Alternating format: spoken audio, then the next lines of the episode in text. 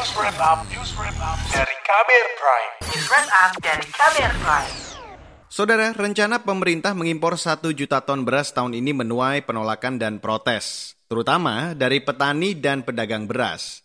Apa alasan mereka menolak dan bagaimana jika kebijakan ini dipaksakan? Berikut saya hadirkan laporan khas KBR yang disusun Wahyu Setiawan. Rahmat Aziz bersyukur stok beras di lapaknya masih aman dan mencukupi. Pedagang beras di Pasar Kuitang Dalam, Jakarta itu baru saja mendapat kiriman beras dari hasil panen raya di daerah Jawa Tengah. Kalau di pasaran mah berlimpah ini beras mah. Ini pas lagi panen ini dari dari Seragen Sukarjo itu kan lagi panen raya ini. Stok juga aman di warung Suryanto, pedagang beras di Pasar Rumput, Jakarta. Sejauh ini kiriman dari lumbung beras di Jawa Barat lancar, sehingga harga beras juga masih di kisaran normal ada kenaikan juga istilahnya masih bisa nggak perlu lah istilahnya kayak kayak itu. Jadi istilahnya masih masih masih sebatas normal aja nah, naiknya. Istilahnya nggak perlu ditaikin juga dari dari dari dari pedagangnya. Dari walaupun dari sana itu cuma naiknya itu 100 sampai 150 perak masih masih masih normal. Kalau kalau saya anggap tuh kalau udah di atas 400 nah itu boleh dibilang ya udah udah udah harus ada perubahan. Kalau sekarang masih masih belum ada perubahan apa harga jualnya Suryanto justru heran dengan rencana pemerintah mengimpor satu juta ton beras tahun ini. Dia menilai stok beras di pasaran saat ini masih mencukupi.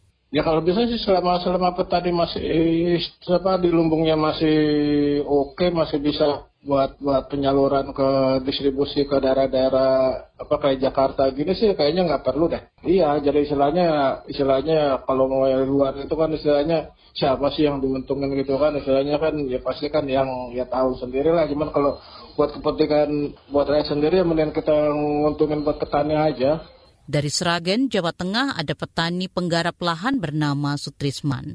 Dia mengatakan hasil padi dari petani di daerahnya masih mencukupi untuk didistribusikan ke kota lain, meski hasil panen awal tahun ini agak menurun imbas serangan hama. Ia justru khawatir jika pemerintah mengimpor beras, harga gabah di tingkat petani merosot hingga selisih seribu rupiah. Oh, saya kalau impor itu otomatis harga dari petani merosot lagi. Beras hasil petani di Indonesia itu saja mesti cukup. Soalnya banyak padi yang banyak sekali. Cuma harganya yang merosot gitu.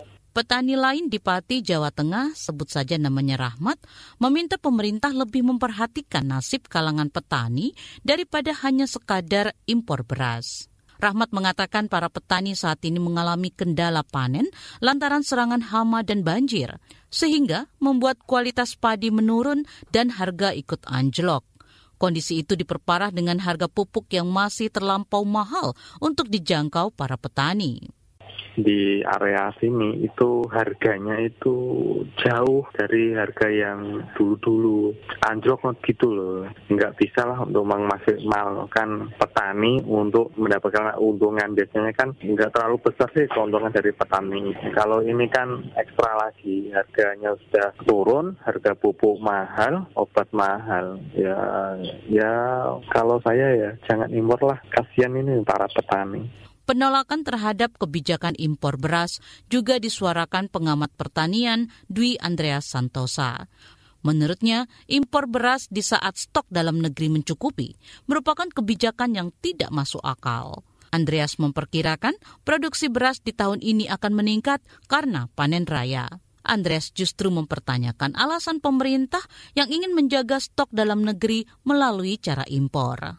Loh, logikanya di mana? Kalau mau menjaga stok beras, kenapa kok nggak melalui serapan dalam negeri? Gimana sih wong dalam negeri harga aja jatuh seperti ini? Kenapa kok nggak nyerap dalam negeri?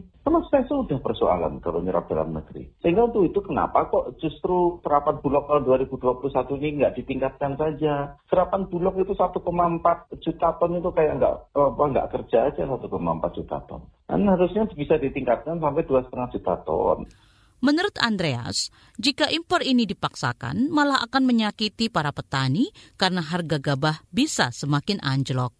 Lalu sekarang ini kami dapat laporan dari seluruh jaringan tani kami, itu harga sudah di bawah 3.800. Ada yang 3.400, 3.500, kasihan petani kalau seperti itu. Nah lalu mengapa dalam kondisi seperti itu kok tiba-tiba ada keputusan impor? Untuk itu aku nggak paham sama sekali maksud pemerintah ini apa. Itu di beberapa media saya komentar ini menyakitkan petani keputusan itu. Laporan ini disusun Wahyu Setiawan. Saya Fitri Anggreni. Kamu baru saja mendengarkan news wrap up dari Kabel Prime. Dengarkan terus kabelprime.id, podcast for curious mind.